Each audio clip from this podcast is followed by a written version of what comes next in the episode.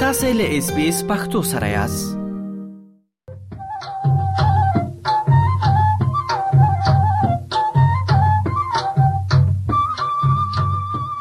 ښاغلی ډاکټر رحمان شینوار یو نړۍ مننه چې اس بي اس پختو خبرونه ته مو وخت راکړ تاسو سره مې شوم السلام علیکم مننه عبدالله جانه تاسو هم پخیر راغلی سهار مو پخیر لومبیا تاسو ته بیا د اسپیس رادیو ټول اوریدونکو ته خپل ټول هیوادوال ته سلامونه وړاندې کوم خدای دې وکړي چې روغ جوړ او سوکاله اوسئ علیکم سلام خغلی ډاکټر رحمان شینواری په استرالیا کې د روحي روغتیا ول په ټوله کې ک یو خو مونږه روحي روغتیا یا صحت په اړه باندې یعنی دلته پوها وای دی که چیرې دغه بیمارۍ شکل ته د دې وګورو ډاکټر صاحب نو که دغه نه یو څه تعریف زمونږ اوریدونکو ته تاسو ورکړئ چې روحي ناروغي هغه څنګه داسې یو ناروغي وي دا یو ناروغي ده په همدغه شکل چې مونږ مثلا ولګی وي مونږ ته د زړه تکلیف پیدا کیږي مونږ ته سردردي پیدا کیږي په همدغه شکل سره دغه رواني ناروغي یا روحي ناروغي هم پیدا کېدای شي پیدا شي او دې سره د دوی په اصطلاح ناتینګ از رانګ هیر یعنی هیڅ شی د دې باعث نه باید شي چې سړی د لکه څنګه چې د نورو جسمي ناروغیو په اړه باندې ورځي ډاکټر ګوري د دې ناروغي په ارتباط هم لاړ شي او خپل ډاکټر مشوره واخلي صحیح ډاکټر صاحب که دا وایي چې دغه رواني ناروغي یعنی البته دغه موضوع او یا دغه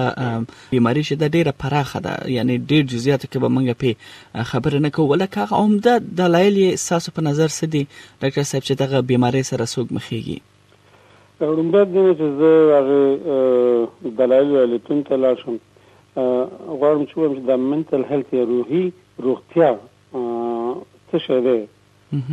نو بیا پس د هغې د په هغې دلایلو باندې چې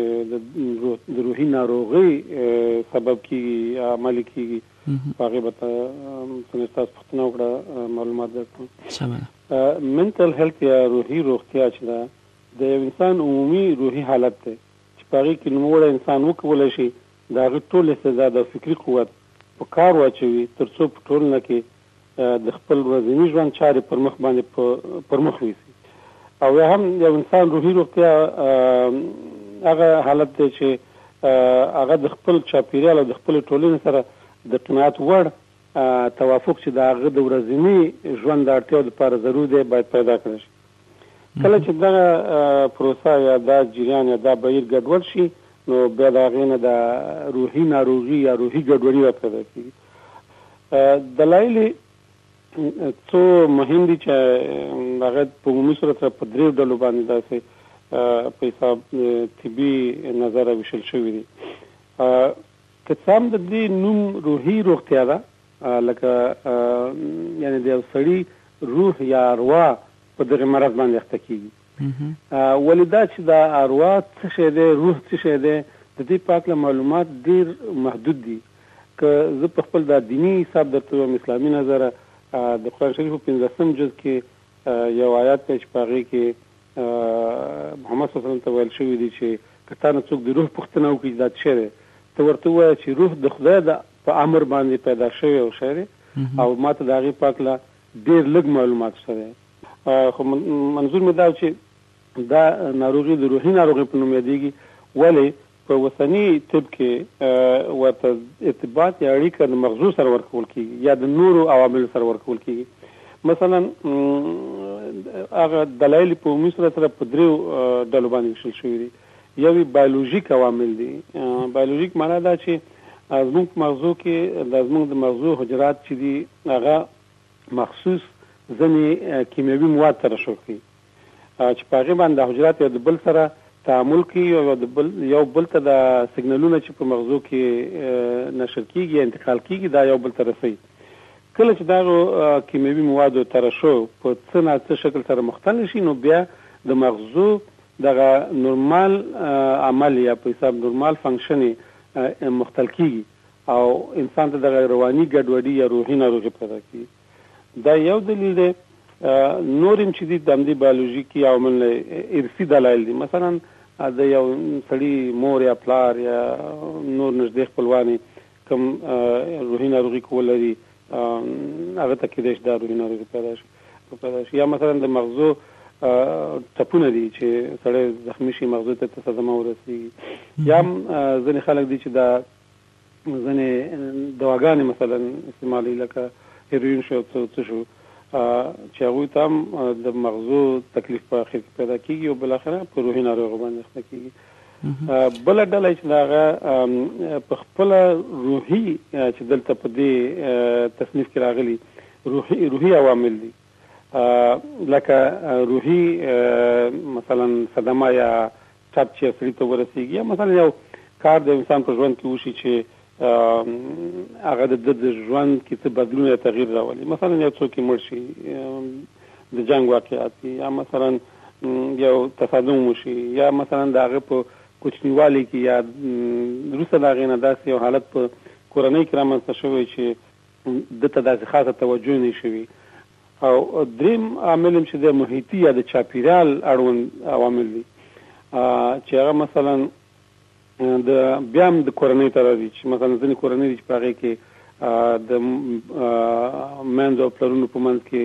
څه اختلاف موجود دي ماشومان باندې هغه تاثیر کوي یا مثلا مور او پلار جدا شوي سره مثلا کنه یا په کور کې دواړه مور او پلار کار نه کوي هماغه بیا هم دا عوامل هم داسې یو بل سره په حساب باندې ګډون کوي او د بل یعنې په دوی په انګلیسي په اصطلاح اوورلپ کوي صحیح دغه عمده درې دلایل دي چې بیا په دوی کې ځینې خپله واړه واړه نور شیان ذکر شوي دي مګر څنګه چې مخکې مو وویل دا دلایل یو د بل سره داسې په حساب باندې ګډوله دي په حساب یو د بل سره څه اړیکې اړیکې لري صحیح ډاکټر صاحب محترم تاسو دغه ټولو یعنی برخو ته اشاره لرله او دا موضوع روښانه کړه ولکه زه اوس د تر شمه چې زمونږ اساس ټولنه چې په ډیره کې استرالیا کې میشته شوې ده هغه په دې ورسره کلونو کې له افغانستان او یا له پاکستان دغه پښتانه په ډیره کې راغلي دي او استرالیا کې میشت شوي دي زه پښتنو میشتو سیمو کې که افغانستان وي او یا پاکستان وي ناخواله وي او ناخواله شته دي او ځینې کسان چې دلته راغلي دي نو هغوی به کېدای شي چې له ځان سره دغه روحي او یا هم رواني ناروغي هم دلته راوړي وي نو دلته ډاکټر صاحب دغه بيمارۍ باندې که څوک روغ دی وي یعنی که زه هغه روسي سوالو ته راشم ولې زما سوال اول دغه ذهن ته راځي چې یو څوک په ځان کې څه نښې وویني چې هغه باید په دې پوه شي چې زه دغه بیماری باندې زخته یم کېدای شي ډیر کسان وي چې دغه څه نښې ځان کې ویني ول هغه بیا هم ځان جوړ غني او دغه ژوند نورمال تیروي یعنی هغه نښې څه دي داسې بیماری باندې روږد کېدو او هغه خلک لکه مخکې چې ما په دې سببونو یا عملونو د ناروغۍ کې وویل که نه چې مثلا د انسان په ژوند کې څه واقعیت تېر شوي دي هغه کېدای شي د روحي ناروغۍ سبب شي د هغې جملې نه یو مې جنګ جګړو ذکر وکړ نو په افغانستان کې یا بل خاصه په پښتني سیمو کې په افغانستان کې او بیا پښتونخوا کې دا څلوېښت کاله کېږي چې دغه ناتړ روان دی دا ناورین هلته چلیږي او خلک یو د بل مرګ او په حساب د کورونو ورانېدو بمونه او دا ټول شان په شپه ورځې ګوري او دا خو بیخي ښکاره ده چې هلته یعنې که زه داسې ویم چې سل په سلو کې خو به نه خو که نوي په سلو کې اتیا په سلو کې خلک هغوی اکثره دا مرضونه لري دا ناروغۍ لري خو بدبختانه په هغې سیمه کې هلته څوک په دې مسایلو باندې دومره خبر نه دي، نه پوهېږي چې یعنې روحي ناروغي څه، تشویش څه، فشار څه، ډپرېشن څه، پرېشاني او اضطراب څه، خو ټول هماغه خپل ورځني ژوند ته بیان چې پاته کم شي په یو شکل نه په یو شکل د یو مجبوریت په حساب باندې مجبور دي چې د ورځ ژوند چارې پر مخ بوځي. مګر ځنې بیا نشي کولای دا کار وکړي مثلا په افغانستان کې درته وایم پښتونخوا کې په افغانستان کې پخوا د دغه هیروینو معتادین تقریبا نه وو بیا او چاته په میلیونو کې که به یو پیدا شو اوس څومره خلک دي په افغانستان کې په میلیونونو خلک معتاد دي، ماشومان دي، ښځې دي، نارینه دي، په ښکاره ډول سره هلته په کابل کې چې لګیا دي دا چرس څکي او هیروین څکي دا خو ټول د همدغه جنګ تاثیر دی یعنې هغه خلک چې لږ څه قوي فکري په حساب باندې قوت لري هغوی ډېر زر نه تسلیمېږي، ولې دغسې خلک بیا بدبختانه چې نشي کولای دا نور وزغمي او دغسې مسایلو ته چې ما مخکې درته وویل چې هیروین دي او څه دي او څه دي، دې ته پناه وروړي، غواړي په دې باندې تسکین حاصل کړي. حال دا چې دا تسکین نه ورکوي، دا نور هم مسایل خرابوي او بیا چې هغه خلک دلته راشي، ضرور دوی هماغه مسایل چې هلته ورسره مخ شوي دي هغه روحي تکلیفونه چې هلته ورته پیدا شوي دلته چې راشي هغه یو بیا یو په دوه شي په څه په څه وجه ولې دلیل یې څه دی خو مخکې دې نه زه دې ته راشم چې د دې نښې نښانې څه دي او څه وخت باید سړی خپل ډاکټر وګوري دغه حالت ته هغه وایي دا پي ټي اس ډي یا پوسټ ټروماټیک سټرس ډیزارډر ورته وایي یعنې دا یو مرض دی چې پس د هغې نه چې سړی همدغسې ناخوالو سره مخ شوی او پس د هغې نه چې د هغې محیط نه ووځي یا لا په هماغې محیط کې یې دغسې یو تکلیف ورته پیدا کېږي چې هر وخت چې د هغې حادثې یا پېښې چې د ده په ژوند کې شوې ده ده ته یاد وشي یا د ده ته خپله یاد ته راشي نو ده ته دغسې یو حالت پیدا شي چې نور نو نشي کولی ځان ټینګ کړي یو څه ضرور ورته مخ لغه کېږي دا په وجود کې ضرور یو تغیر راځي او که چېرته داسې په عامو خلکو په منځ خلکو په منځ کې کېدای شي ځان ته ناته کنټرول کړي ولې که چېرته ځان ته یې کېدای شي چې یو ډېر شدید د عکس العمل وښي دا خلک به دلته راشي هغوی نه یوازې هغه تروما ځان سره راوړي دلته چې وګوري دوی بیا د مثلا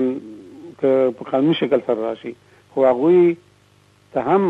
ځنې حالتونو سره مخ کېږي مثلا ژبه یې نه یې زده دا ټول په حساب باندې هر څه ورته دلته ډېر په یو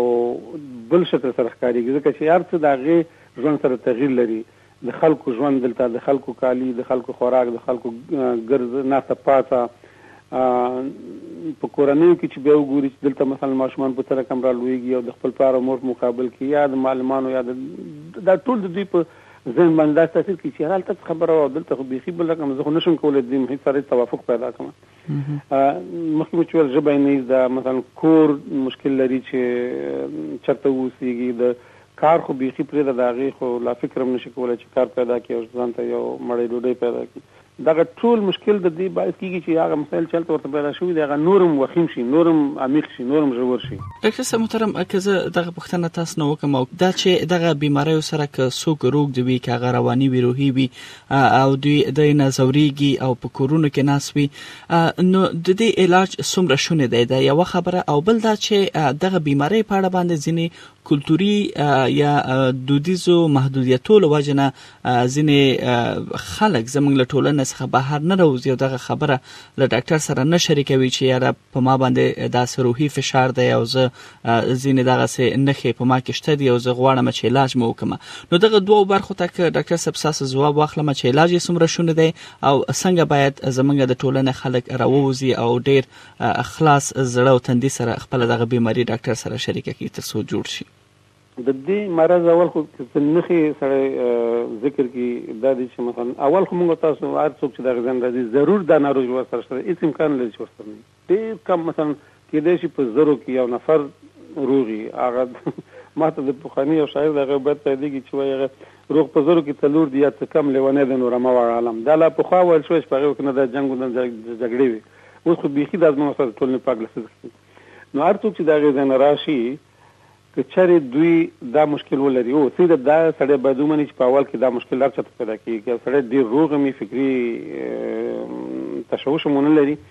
دغه مشکلاتو سره لاس او ګرېوان کېږي. ولې که یو څوک په دوامدار شکل سره دا فکر ورته پیدا کېږي چې یاره زه نه شم کولای هېڅ شی همدلته